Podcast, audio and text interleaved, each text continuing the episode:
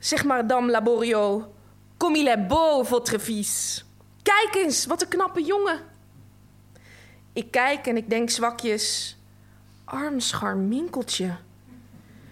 Neem me maar mee, zeg ik paniekerig. En dan dorst.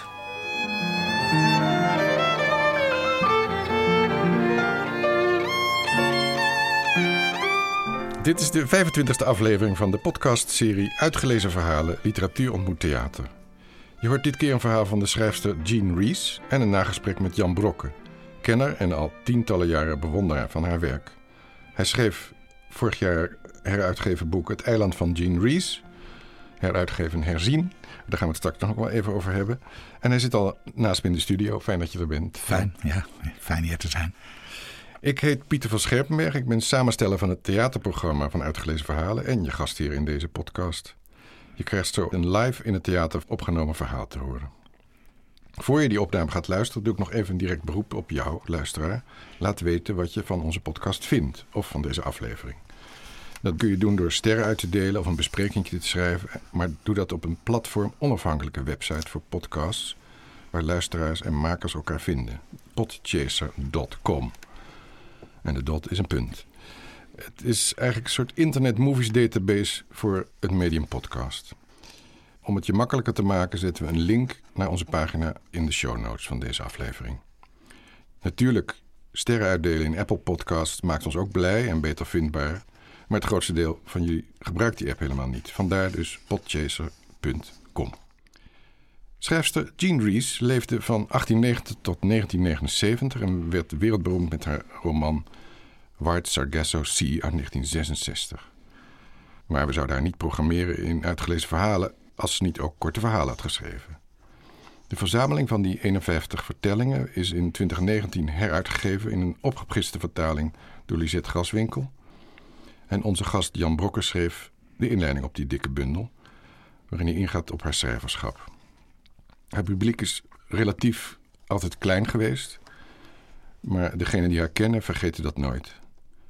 Hoor ik ook bij.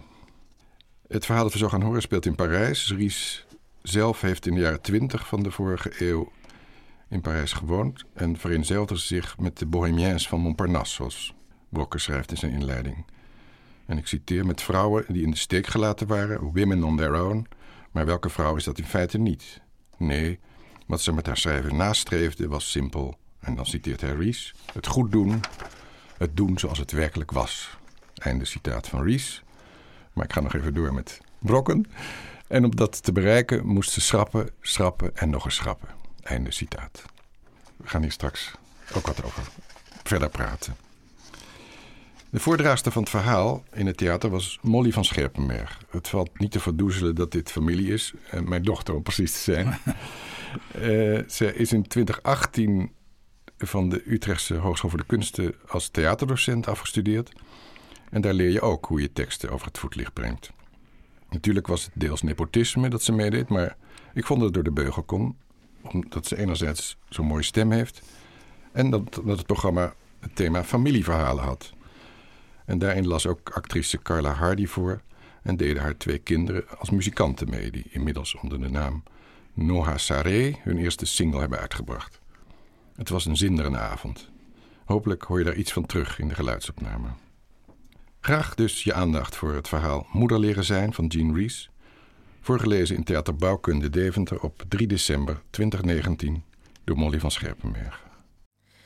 Op de voordeur zat een koperen plak Madame Laborio, sage-femme des hôpitaux, consultation 12 à 4. Vervolgens, voorbij het hokje van de conciërge, een steile trap omhoog. Een gebed zonder end, die trap. Als je hem klampend aan de leuning en krimpend van de pijn beklom. Daarna wederom een deur, met een kleiner bordje. Sage-femme. Binnen woedde chaos. Luide stemmen, jengelende baby's, een bedompte dekengeur, een kermende vrouw. Als bevoegde voetvrouw was Madame Laboriot immers wettelijk verplicht een grote zaal beschikbaar te hebben voor de overloop van de ziekenhuizen. Ik zie de vrouwen als ik de openstaande deur passeer. Drie zijn het er. Eentje al buiten zinnen van de pijn. De anderen slaan haar ontsteld en wit om de neus schade. Ik kijk vlug weg. Een lange gang brengt me naar mijn eigen kamer. Geluksvogel. Ik kan me het voorrecht veroorloven in mijn eentje te kermen. Het is een onvoorstelbare kwelling, dat elektrische licht. Kon ik ze maar vragen het uit te doen? Moeizaam zoek ik naar het Franse woord voor licht. Lumière. Éteindre la lumière. Ze begrijpen niet wat ik bedoel en ik begin te snikken. Madame Laboriot bedt mijn voorhoofd, bekijkt me met een deskundige blik. Ik sla mijn ogen naar haar op en zeg met klem: Anesthesiek, on m'a promis. Ze glimlacht en beklopt mijn hand. La la la la la, zust ze, al bijna bij de deur. Ik ben weer alleen, met het licht, geel en vreed. Maar nu is het verdubbeld, in de lengte uitgerekt door een flakkerende halo omgeven. Ik staar naar de halo terwijl de immense pijn me optilt en uitwringt. Strakker, strakker, strakker. Regardez, zegt madame Laboriot. Comme il est beau, votre fils. Kijk eens, wat een knappe jongen. Ik kijk en ik denk zwakjes... Arm scharminkeltje. Neem me maar mee, zeg ik paniekerig. En dan dorst. Colette kwam langs, zo gauw ik bezoek mocht ontvangen. Beladen met bloemen en druiven, uiteraard. Ze was bevriend met mijn man en zocht me op zodra ik in Parijs kwam wonen. Vermoedelijk uit beleefde belangstelling, maar we raakten nieuwsgierig naar elkaar en gingen steeds vertrouwelijker met elkaar om. Ze had alles mee. Ze was mooi, vrolijk en ze las Tolstoy. Ja, hij diende slechts als slaapmiddel, maar toch, ze las hem. Toen ik een nacht bij haar logeerde, heb ik het met eigen ogen zien gebeuren. Ze was niet slechts een Parisien, ze was een Montmartroise. Dat wil zeggen een Parisienne tot de zoveelste macht. En zo genereus. Ze overwoog te trouwen, maar had er weinig fiducie in, geloof ik. Enfin, ze kwam de baby kerend bewonderen. Ik verantwoordde mijn gebrek aan enthousiasme door te zeggen dat ik een meisje had gewild. Ah, mais non, par exemple, zei ze beslist. Een man, een zoon. Dat stelt wat voor. Maar een vrouw? De zoveelste pauvre miserabele? En Michel? Is hij niet trots en verheugd? Ik antwoordde ja, zeer verheugd, zeer trots. En de naam van de kleine spruit? Robert, zei ik met beschaamde kaken. Robert, bon. Maar ik dacht dat het Michel zou worden. Ik had hem Michael willen noemen. Robert was me ontglipt. Het zat zo. Enkele dagen na zijn geboorte had er een gerimpeld, schraal mannetje aan mijn bed gestaan. Iemand van het gemeentehuis. Aanvankelijk glimlachte hij zeer beleefd. Was ik getrouwd? Ja. De naam van mijn echtgenoot.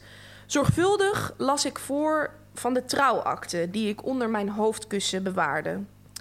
Michel Ivan, verbluffend hoe rap de glimlach van zijn gezicht verdween. Ivan? Maar dan, uw echtgenoot is een Rus. Een Bolshevik zeker? Ik zei dat mijn echtgenoot een Fransman was, maar een Rus van geboorte. Ivan, Ivan, c'est Bolsjeviksa, moorde hij, niet overtuigd. Vervolgens, vinnig, en de naam van dit kind, madame? Ik keek hem met grote ogen aan, overvallen door de vraag. De naam van het kind, madame? vroeg hij, nog vinniger. En in mijn verschrikte toestand stamelde ik de eerste naam die bij me opkwam: Robert. Toen we weer alleen waren, sprak ik mijn zoon berouwvol toe.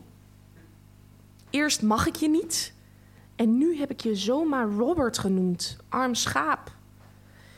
Zo was het helaas. Ik mocht hem niet. Ik had te zwaar geleden. Ik was te uitgeput. Ik hield mijn gevoelens angstvallig geheim. Maar ik kon me er met de beste wil van de wereld niet toe zetten hem een zoen te geven. Goddank sliep hij het grootste deel van de tijd. De daaropvolgende dagen rustte ik, las een boek getiteld Sada la Marocaine en praatte met Madame Laborio als ze even tijd had om bij me te zitten. Ik bewonderde haar inmiddels. Het was onmogelijk geen bewondering te koesteren voor iemand die zo rustig, zo efficiënt, zo volledig zichzelf en haar werk de baas was. Ze was gezet, had kalme, pintere blauwe ogen en droeg onder haar werkkleding fleurige fluwelen jurken. Haar handen waren klein, roomblank en bijzonder vaardig.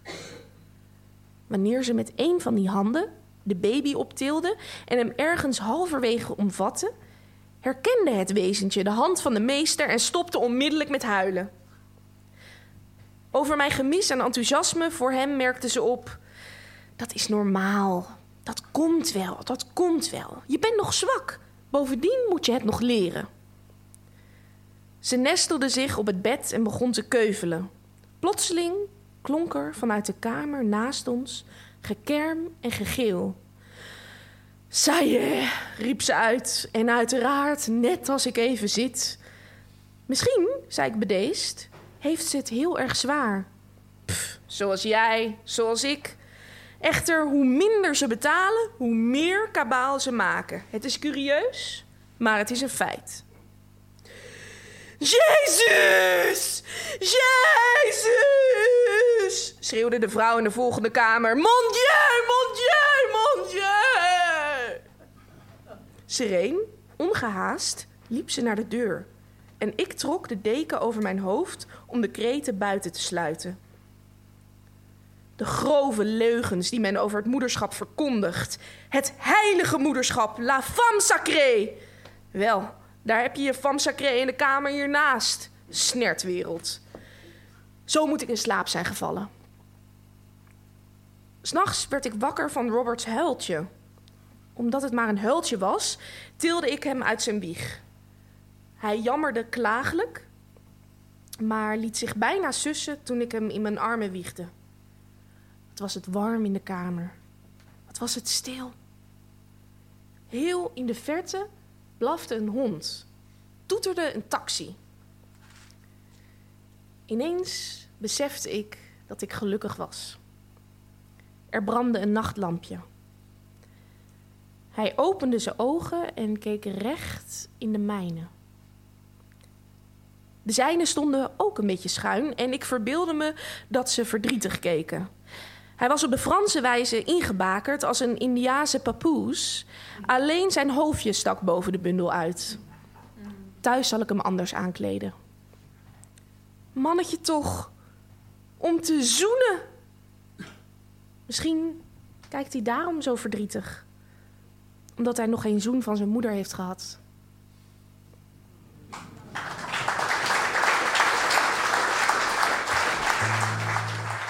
Zoals gezegd zit ik in de studio met Jan Brokke aan tafel.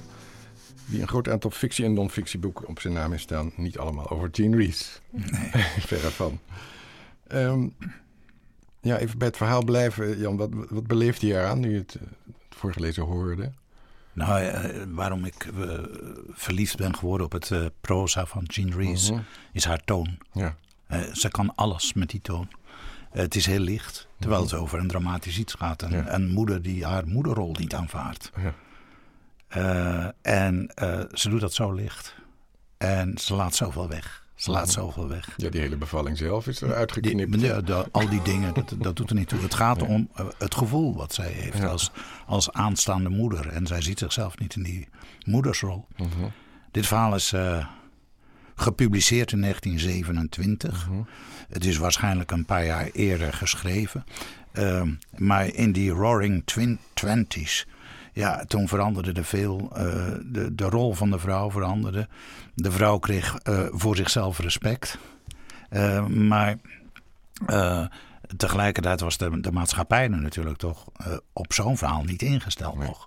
Dit, dit moet in 1927 heel hard aangekomen zijn bij, bij heel veel lezers, mannen en vooral bij vrouwen. Mhm. Want ja, uh, één ding twijfelde men uh, toen nog absoluut niet aan dat ja, de vrouw, de, haar, eerste rol was de moedersrol. Ja.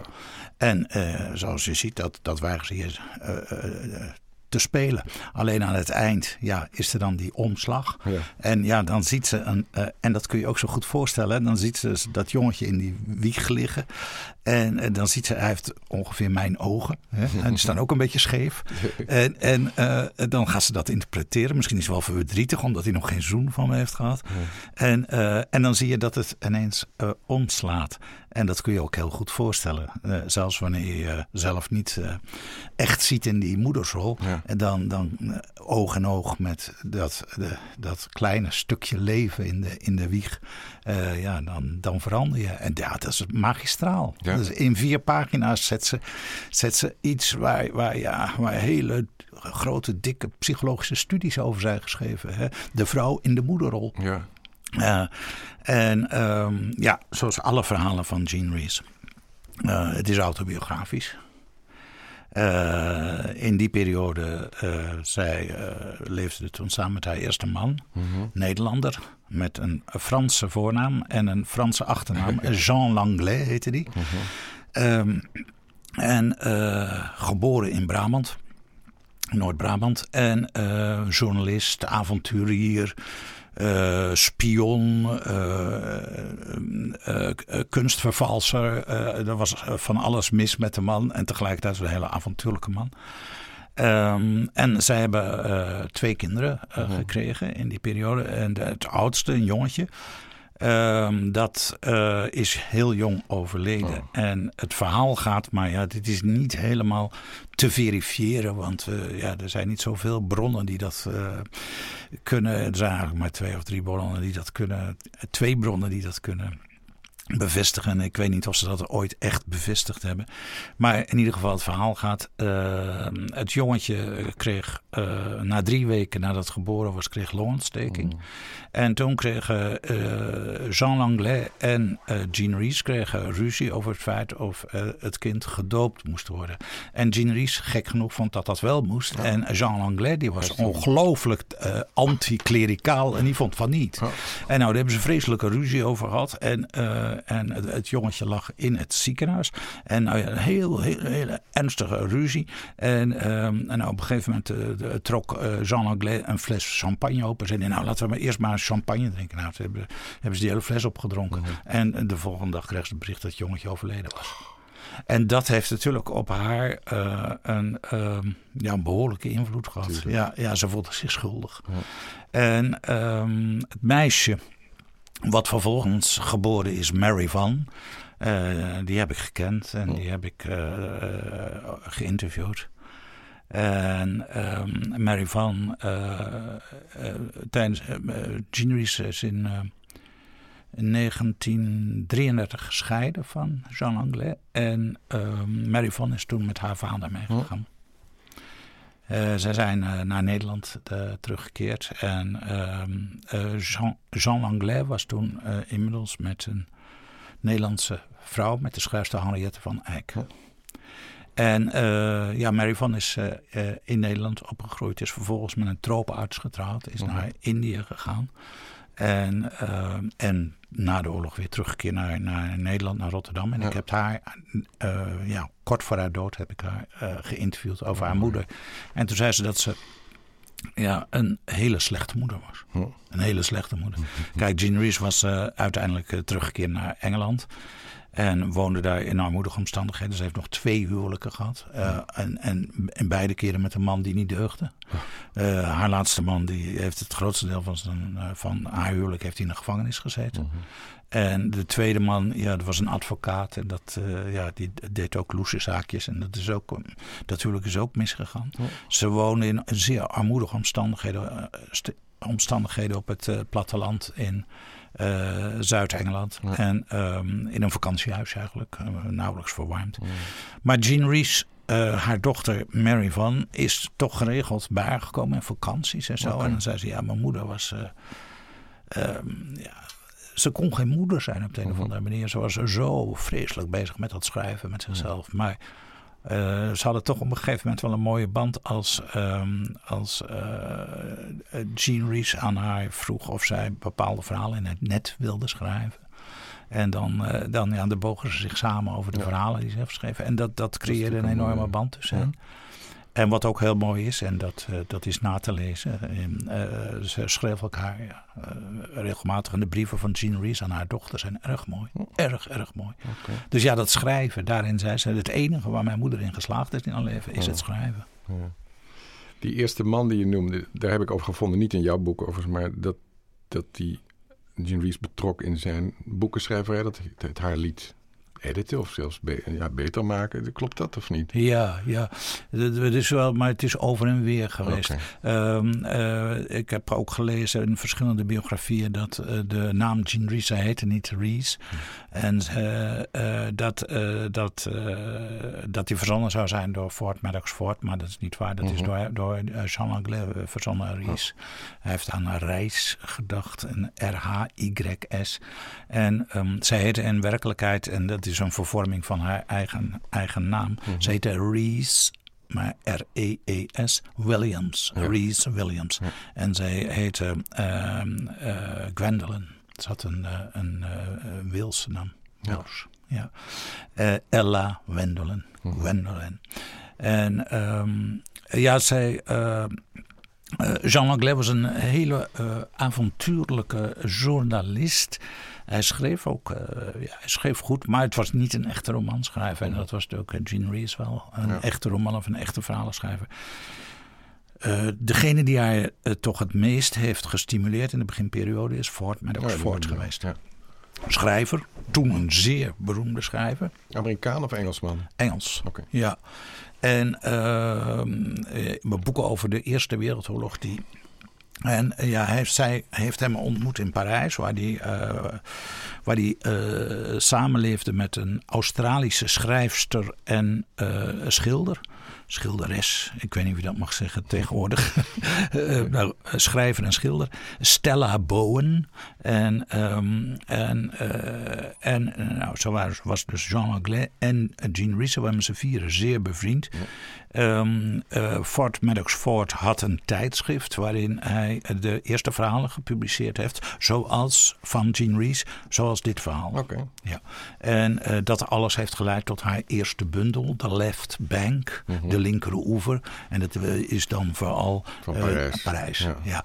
En um, uh, dat was haar, haar eerst gepubliceerde bundel, boek. En um, uh, Ford, Maddox Ford vond dat zij de echte buitenstaander was. En dat kwam door haar jeugd op het Caribische eiland uh, Dominica. Mm -hmm. En um, hij beschouwde haar, eh, zij, hij zei, haar blik is de echte blik van een buitenstaander op alles. Op mm. alles. Uh, hij was zeer onder de indruk van haar taalkundig vermogen. Uh, en hij heeft haar gestimuleerd. Mm -hmm. Um, nou, toen, toen op een gegeven moment is, zijn zij, Langley en, en Jean Rees zijn bij bij Fort Maddox Fort ingetrokken en bij Stella Bowen. Ehm, eh, toen werd Langley gearresteerd vanwege malversaties, ging de gevangenis in. En toen hebben ze met z'n drie een verhouding gehad. Maar de, de vierde was toch een beetje uh, Langley, die, die daar ook nog bij zat. En uh, daar is een boek uit ontstaan. Dat is een van de eerste boeken van Gene Rees die de aandacht trok. Echt uh, de aandacht trok. En dat is het boek Quartet geweest. Quartet. Ja uh, kwartes. Ja. ja. Het grappige is dat um, uh, over die, die periode, toen ze met z'n vieren een hele gecompliceerde verhouding hadden, zijn, hebben ze alle vier geschreven. Ford Maddox Ford heeft er een roman over geschreven. Stella Bowen heeft er een, uh, een ja, herinneringen over geschreven, een memoir. Uh, Jean Rees heeft er het boek Quartet over geschreven. En uh, Jean Langlais heeft er ook al meer op de herinneringen manier overgeschreven. Mm Maar we kennen dit, dit, dit verhaal van vier kanten. Grappig. En ja, voor een, een literatuuronderzoeker is dit echt uh, smullen. Heb je ze ook alle vier tot je genomen? Ja, gelezen? ik heb ze alle vier gelezen. En ook omdat ehm, eh, een van de redenen waarom ik toen eh, destijds interesse kreeg in Gene Reeves... was dat, omdat er een film van gemaakt is, Quartet, door James Ivory. Mhm. Oh. En dat was echt een hele goede regisseur in Ja. de jaren 70 en 80. En met eh, de rol van Gene Reeves wordt gespeeld door Isabelle Adjani. Oh, Ja. Het is heel interessant om die film terug te kijken. Ja. Je kunt hem, hem makkelijk terugvinden. Ja. Ja. bijzonder. Ja. In je inleiding schreef je ook al dat, je, dat ze bij het schrijven van verhalen worstelden met het vinden van een goed einde. Want in de werkelijkheid loopt het nooit mooi rondaf. Ja. En, eh, gaat gewoon chaotisch door. Ja. Je, je hebt het er eigenlijk al even over gehad. Eh, waarom denk je dat het haar telkens weer lukte? In dit verhaal was het dus bijzonder dat op- de, de opwellende liefde voor dat kind die toch kwam. Ehm, Ja. wat, als het, ja, Ja, dit, dit is verrassend, dit Ja. eind hè, van dit verhaal. Dat Ja. in één keer slaat het om. Hè? En eh, ehm, ja, dat is het typische Ge- Gene Reeves einde. Mhm. Ja, het, het slaat net aan het eind, slaat het altijd pjoem in één keer om. en ze doet het met heel weinig middelen, zoals eh, grote schrijvers dat doen. Eh, ik heb van haar vooral geleerd in het schrijven eh, dat je heel veel moet weglaten en Mhm. heel veel moet suggereren. En ehm, oh ja, dat is wel heel belangrijk bij Gene Reeves. Ze vraagt nooit meelijden met zichzelf. Dat is, eh, er komen eh, vrouwen, heel veel gevallen vrouwen in haar boeken voor. Eh, zij is natuurlijk zelf, ja, in het begin was ze een soort revue-meisje in Engeland. Ehm, eh, niet geslaagd als actrice. Daar had ze een te sterk accent voor. Mhm. De Engelsen aanvaarden dat niet, want ze had een, echt een, een Creools accent van, van, de, van de Caribbean. En eh, nou, is ze gaan dansen, revue-meisje en zo. Ja, ze heeft aan, en toen is ze naar Parijs gegaan. Ja, toen werd ze helemaal omgeven door dit soort, eh, dit soort eh, vrouwen en meisjes. En daar heeft ze in haar korte verhalen met name eh, verschrikkelijk mooi over geschreven. Goed over geschreven, scherp over geschreven. Mhm. En bovenal erg grappig. Ja, ja, ja. En nooit eh, die arme vrouw die het zo moeilijk heeft. Zo nooit. Altijd sterk en, eh, en niet zeuren meid. Dus dat, ehm, dat nam mij erg, erg voor haar in. En, ehm, maar haar grootste wapen is haar stijl. Zij kan alles. Zij kan alles schrijven op deze manier. Zij kan de moeilijkste onderwerpen aanpakken. In, in White Sargasso slavernij, onderdrukking. ehm, eh, alles, alles, alles kan zij aanpakken. Kan zij analyseren door die stijl van haar. En door die hele heldere blik. En die fantastische ironie van haar. Is daar je bewondering en je, en je fascinatie door ontstaan? Door, door haar te lezen en te denken, ik wil nu meer weten en, en me er helemaal in verdiepen. En zelfs Ja, eh, twee of drie keer naar Dominica reizen daarvoor. Nou, het begon eigenlijk toen ik in, ehm, in, eh, in het begin van de jaren eh, negentig zat ik in een vliegtuig en toen eh, vertelde ik aan degene die naast me zat ehm, dat, eh, dat ik naar eh, de Caribische eilanden zou gaan op mijn volgende reis. En ehm, ik zou daarheen gaan varen. Dat was ik van plan. En ehm, toen zei zij tegen mij, toen zei ik Caribisch gebied, ik ga naar een paar Caribische eilanden toe. Toen zei ze tegen mij te veel blauw, te veel purper, te veel groen, de bloemen te rood, de bergen te hoog, de heuvels te dichtbij. En toen keek ik eraan en dat vond ik fa- fascinerend. Zo, eh, met een paar woorden roep je zo'n heel Caribisch eiland op. Eh, Alles is er. De- de- is er te veel van. Te veel blauw, de blauw van de zee. Te veel purper, te veel groen. eh, De bloemen te rood, de bergen te hoog.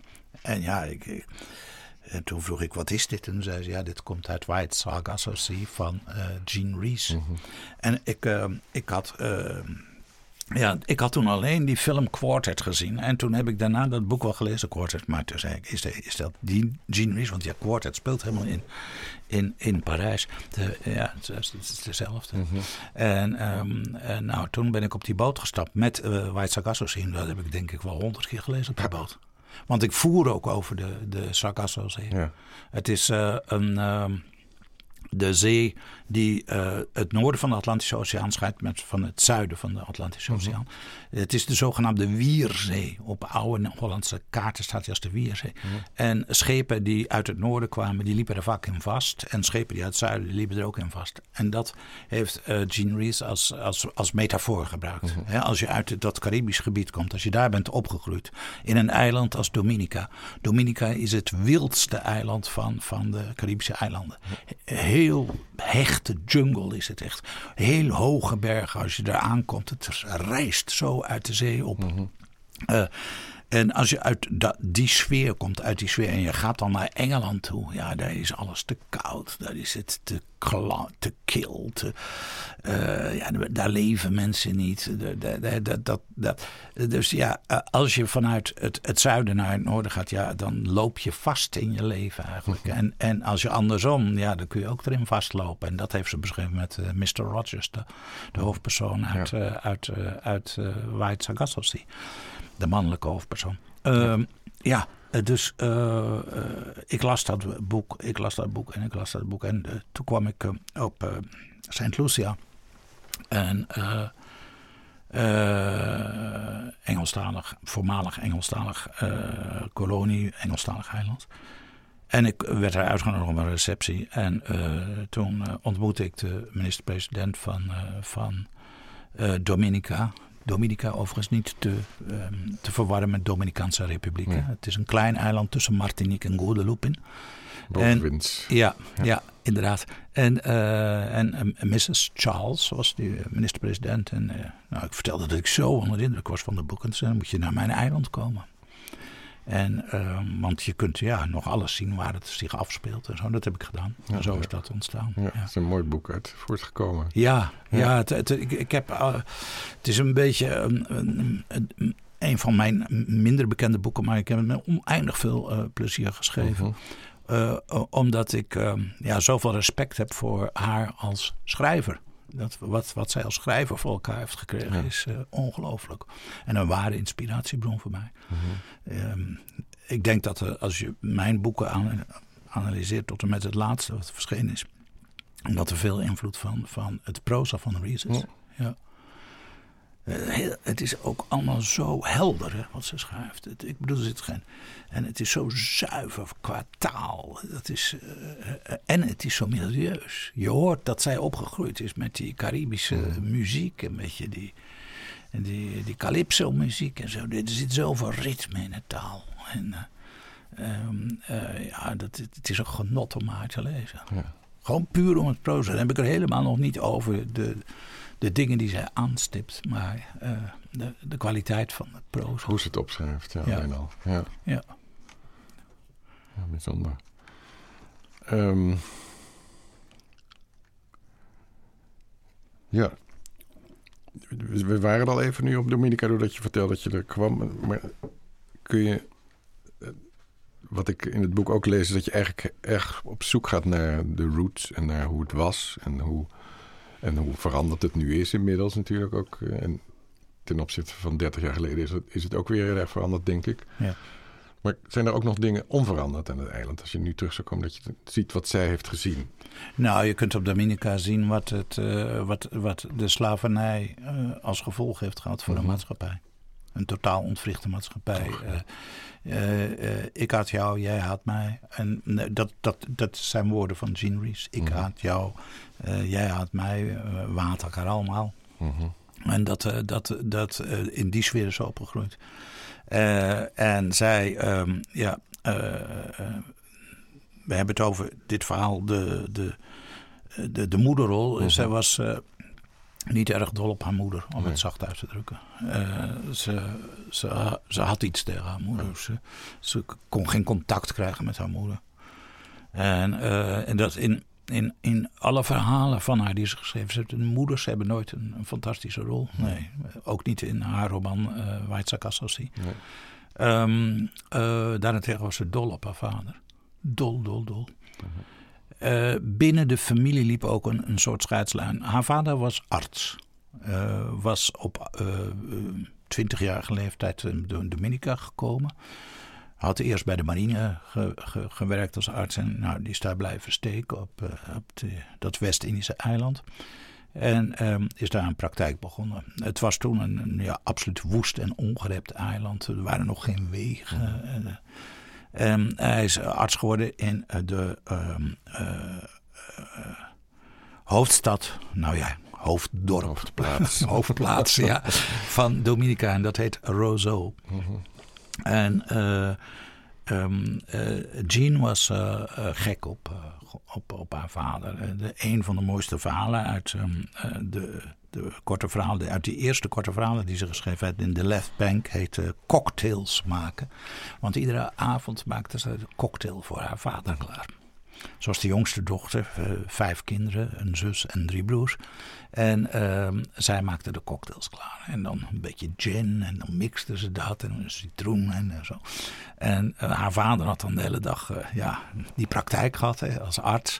En dan ging hij in de stoel zitten bij het raam en dan op een dienblad eh, bracht, hij, eh, bracht zij hem de, de cocktail en dan dronk hij dat op en dan keek hij haar vol liefde aan. En dat is eh, voor haar het beeld van, van, van de vader geweest. En dat, dat heeft zich altijd, en dat zie je overal in de personages terug. Dat ze, mannen kunnen nog zo slecht zijn, ze kunnen nooit helemaal slecht zijn voor Jean Rees. Wat ook weer.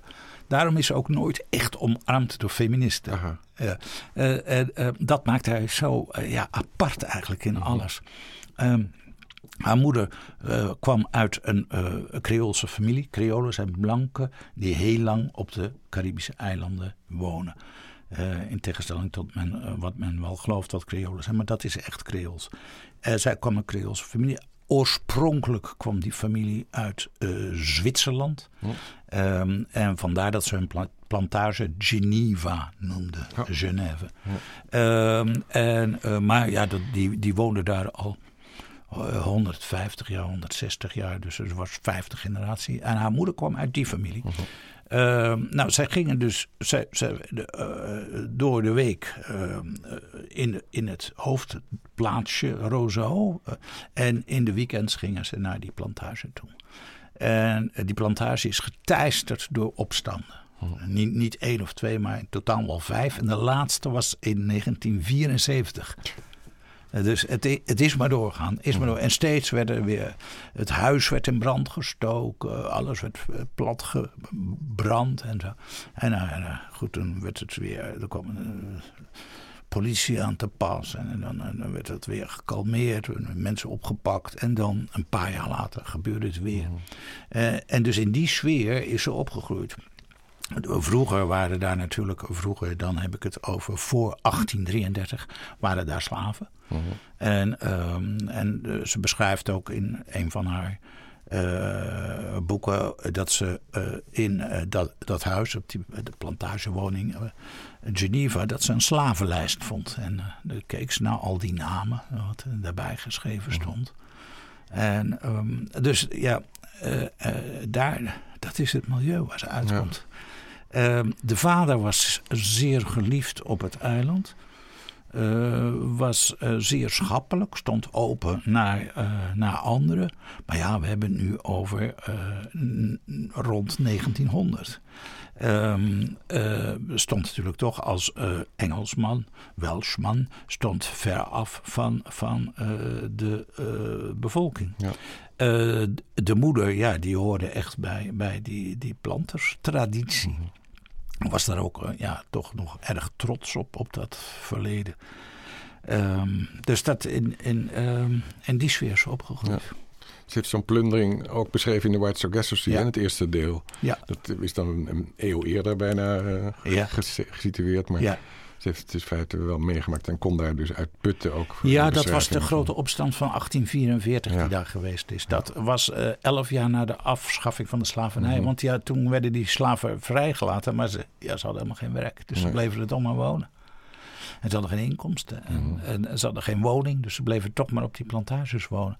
En op een gegeven moment heeft toen de plantagehouder... dat was dus een van haar voorouders... die heeft dus... Uh, uh, ja, ze wilde een eigen stukje terrein ontginnen en bebouwen. En dit heeft hij verboden. Mm. En uh, dat was de eerste opstand. Ja. Die, die, eh, ja, maar het huis is toen niet helemaal in vlammen opgegaan. Maar het is wel een heel. eh, ja. Toen het daar kwam, daar werd nog altijd met. eh, met, met eh, wrok over gesproken. Ja, die. die eh, eh, ja, 90% van de bevolking is zwart, is, maar 10% is wit of, of eh, iets daartussenin. Mhm. Maar eh, voor de zwarte bevolking bestond Jean Rees niet als schrijver. Nee, dat merkte ik direct al. Ja. Ik kende haar niet en interesseerde het ook niet. Nee, ik wilde het ook niet weten. Er is ook niet één straat of school naar haar vernoemd. Nee. nee. Ja. Te- Ten onrechte, omdat zij zich eigenlijk van binnen, zei ze altijd, eh, ze, ze zei altijd, ik had zwart willen zijn. Zwart zijn is vrolijk zijn, is warm zijn. Wit zijn is koud zijn, is onverschillig zijn. Ze, ze, ze, ze wilde bij de, bij, de, bij de zwarte bevolking horen. En er zat allerlei kritiek op, eh, op, de, eh, de, op de Dominicanen, maar zodra een Engelsman iets zei over een zwarte Dominicaan, nou, dan werd ze razend. Dat is razend. goed. Ja, dat, dat, eh, eh, dat, dat, eh, zij mocht kritiek hebben, omdat zij daar vandaan kwam, omdat zij met hen opgegroeid was. Maar nou, als een Engelsman was zij, dan was het een, een, dan was het een racist. En dan, dan deugde die niet. Per definitie niet. Ja. Dus ja, de, ehm Weizsäcker Associé is later ongelooflijk geprezen, bijvoorbeeld door eh V.S. Naipaul, Ja.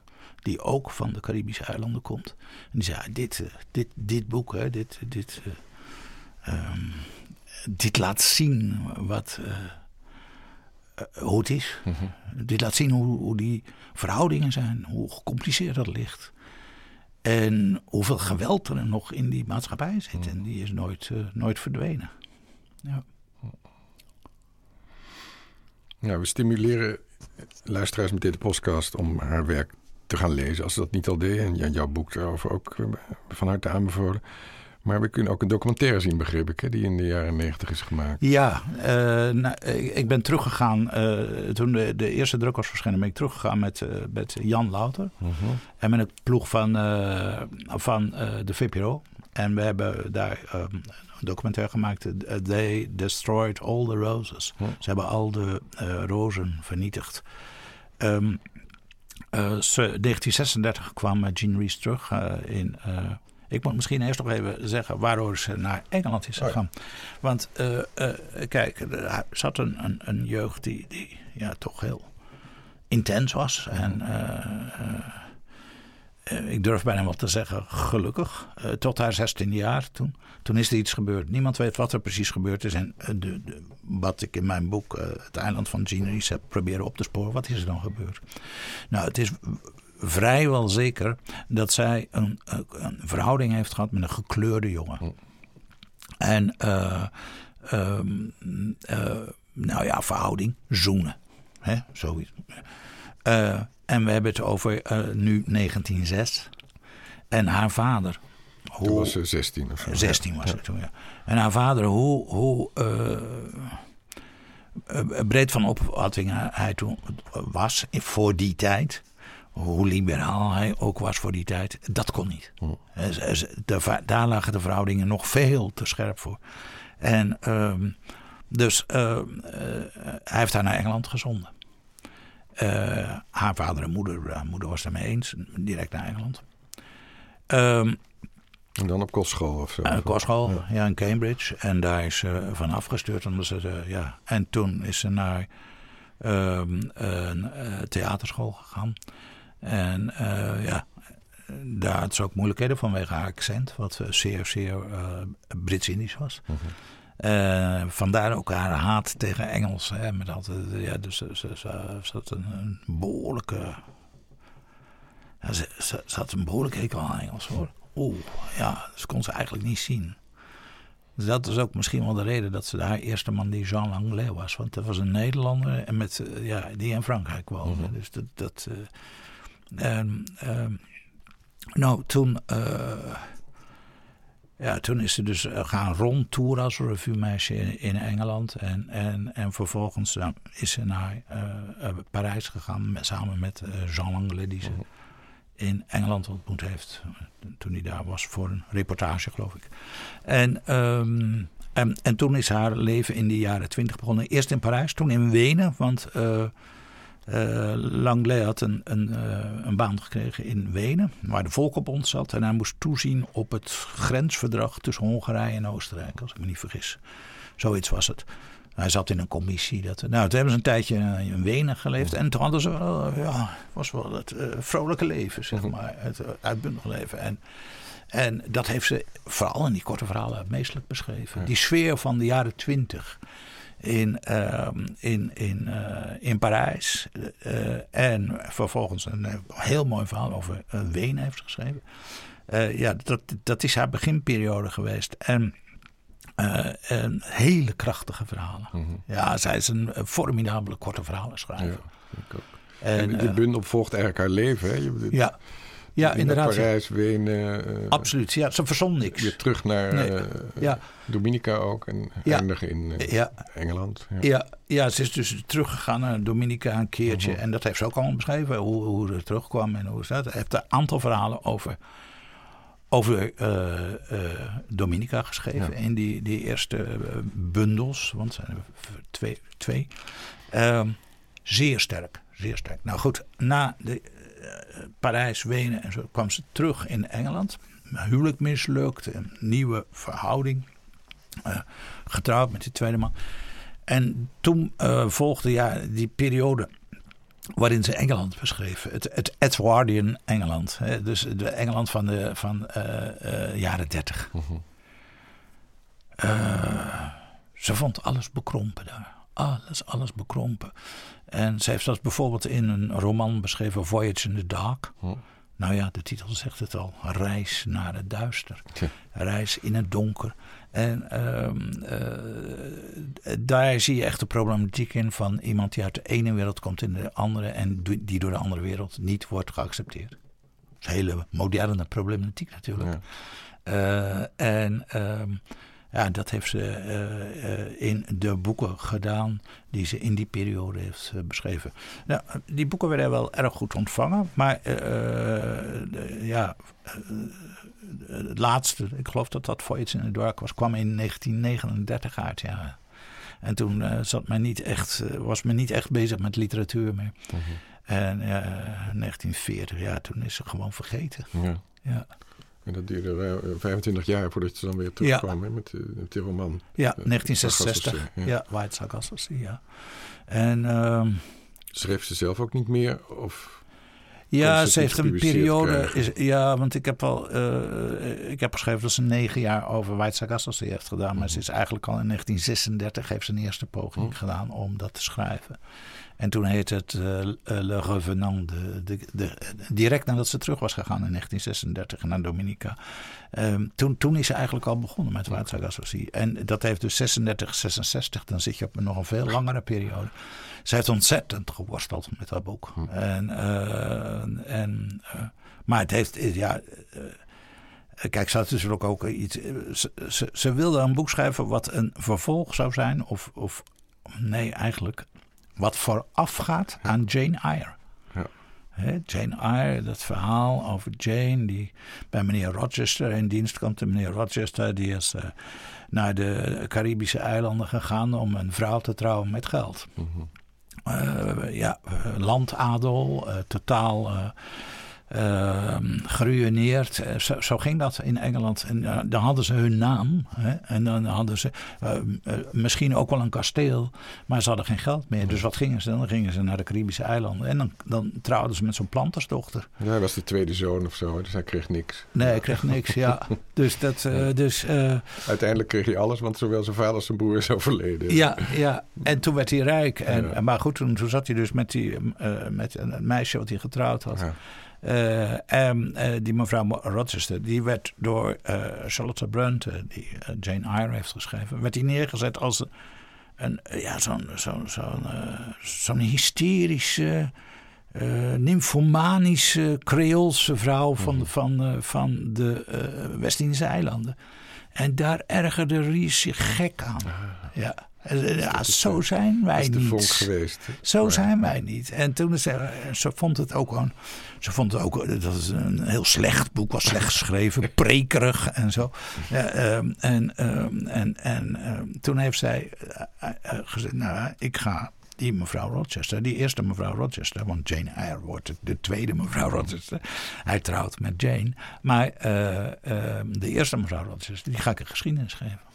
En die geschiedenis die loopt in Maitza tot, ja, wat dan ook in de roman van, uh, van Charlotte Brunt is, tot me, mevrouw Rochester op zolder zit opgesloten als, een, uh, als, een, een, ja, als een krankzinnige. Mm -hmm. En het kasteel in brand steekt. Ja. ja. En uit het raam springt. Ja.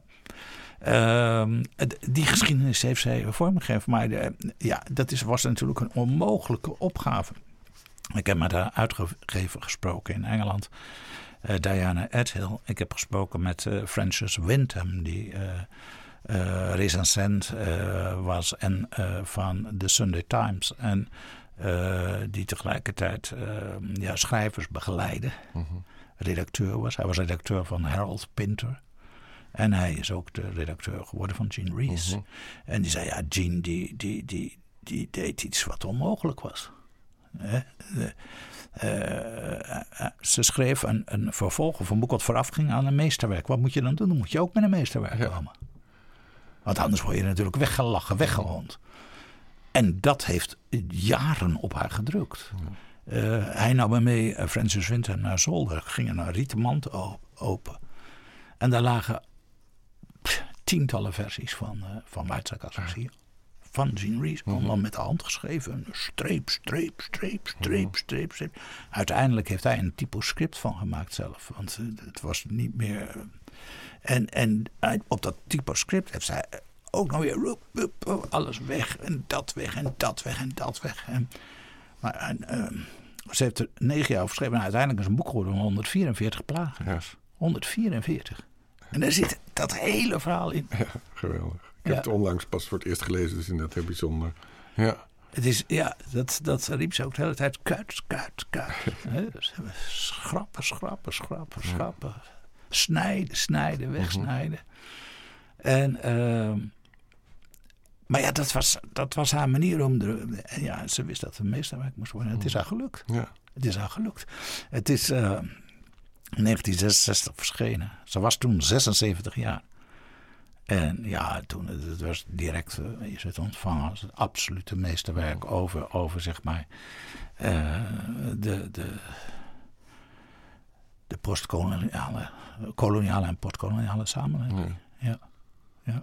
Werd ze ook wel, uh, hoe noem je dat, breed gewaardeerd daarom en, en, en ja. goed ja, verkocht ook? Ja, ja, het is, is een, een, een, een, een bestseller geweest. Ja.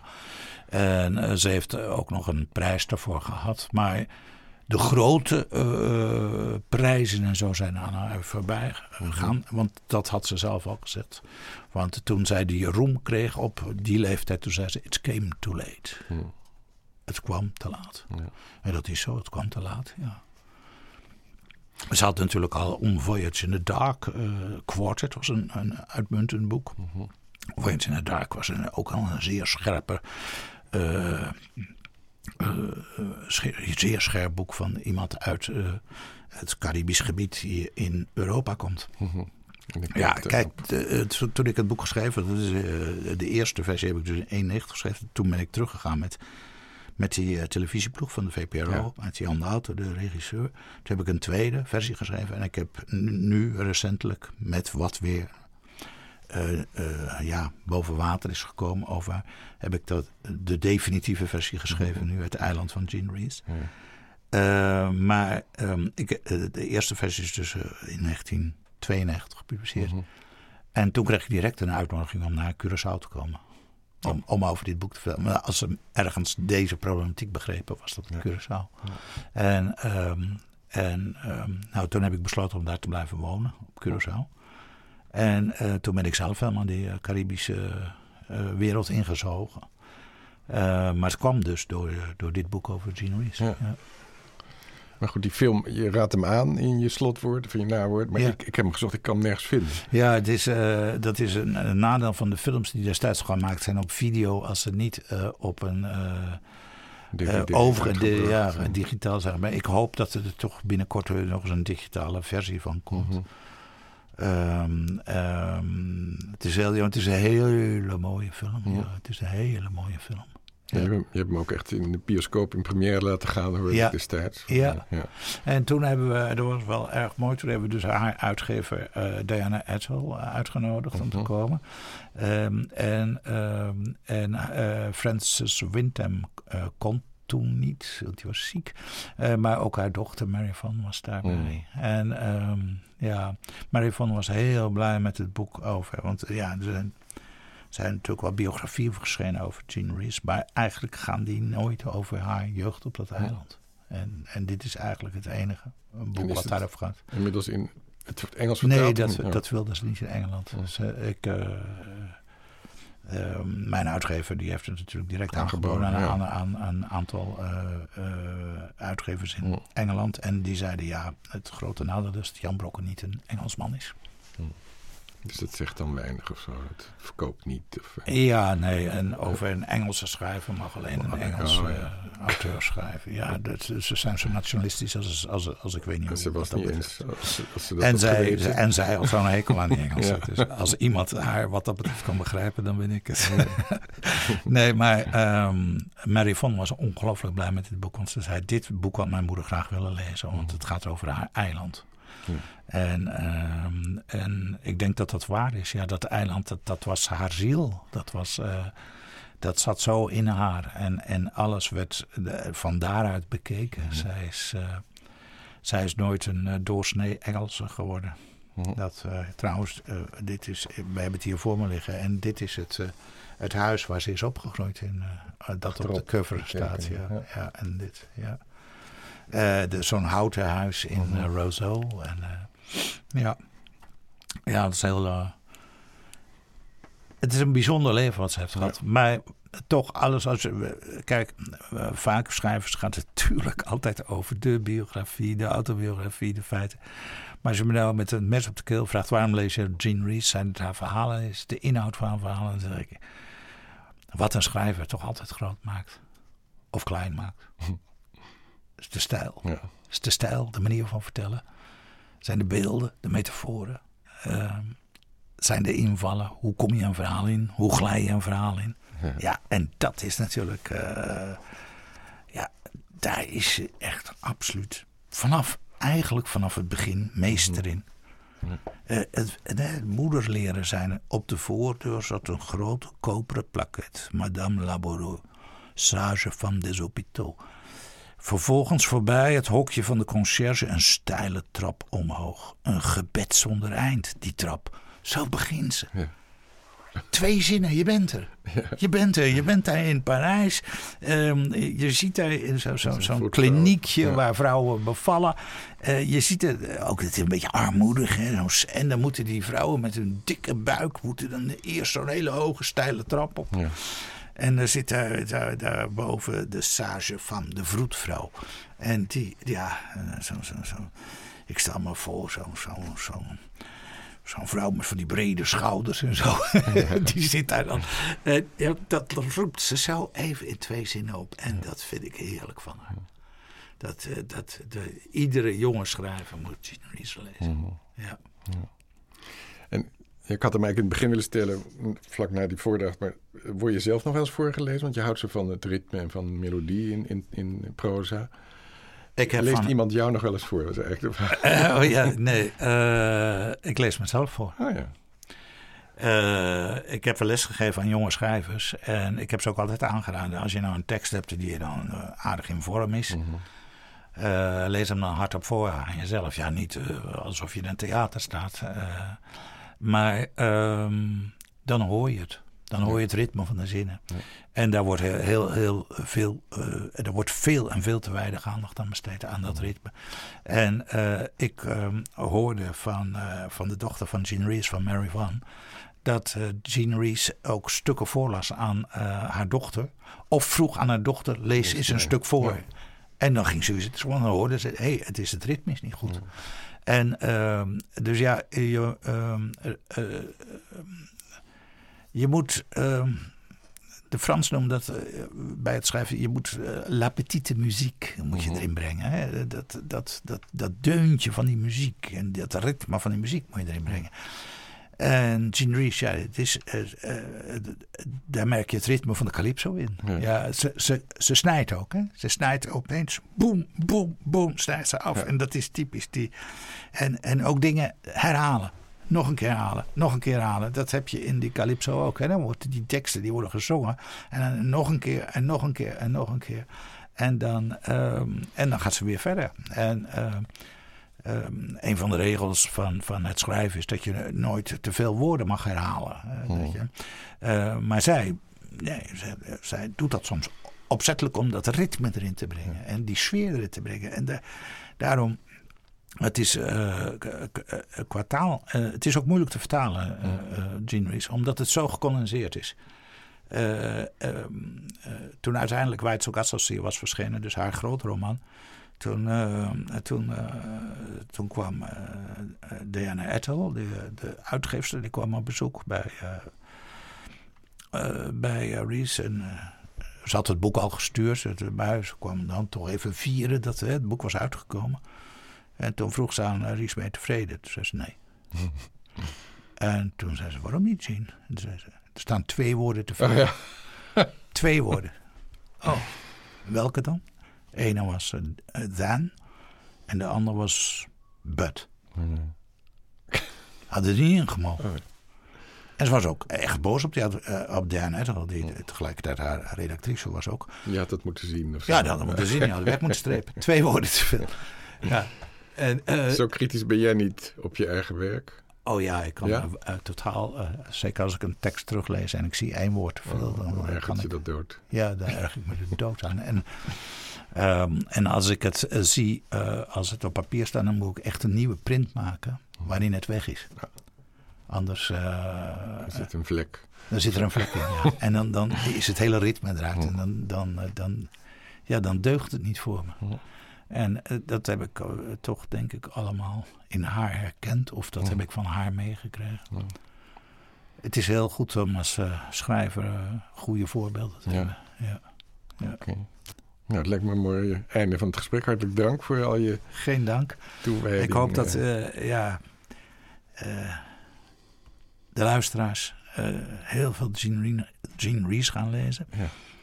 En het, wat ook fijn is, als slot, Gene Reese kun je eindeloos lezen. Mm -hmm. Die verhalen die kun je, oké, okay, je kunt ze nu lezen en over vijf jaar kun je ze weer opnieuw lezen. Ja. En dan zijn ze weer even fris en zo. Dit, dit, is, dit is die manier van kijken van haar, die manier van, van voelen van haar, die manier van ja, die, die lichte ironische blik over de dingen laten gaan. Ja. En tegelijkertijd ook weer alles heel serieus nemen. Het is geen slapstick schrijfster. Hmm. Nee, nee, ze neemt alles heel... Maar net één klein uh, uh, detail waarvoor je door je gaat glimlachen. Ja, dit is echt een grote, korte verhalenschrijver. Hmm. Je hebt uh, natuurlijk Tsjechov, Ja. Isaac Babel, maar bij de korte verhalenschrijvers, de grote korte verhalenschrijvers uit de wereldliteratuur, hoort beslist ook Gene Mhm. Reese. Oké, dankjewel. En luisteraar, ik hoop dat je genoten hebt. En deze podcast blijft volgen. Vergeet podchaser.com niet, hè. Deze aflevering is mede mogelijk gemaakt door Prins Bernhard Cultuurfonds Overijssel, gemeente Deventer en de gemeente Enschede. Aan deze aflevering werkte mee Jean Rees postuum, Jan Brokke, Molly van Scherpenberg, vertaler Lisette Gaswinkel, Joep van de Pavoort verzorgde de opname in het theater, Floor Minnaert leidde de opname in de studio, Dirk-Jan van Ittersum deed de audiomixage en de herkenningsmelodie die je zo weer hoort, of nu al hoort, is van Instant Classical, Amir Swaap en Sietse van Gorkum. Ik ben Pieter van Scherpenberg en leidde je door deze 25e jubileumaflevering. Graag tot een andere keer.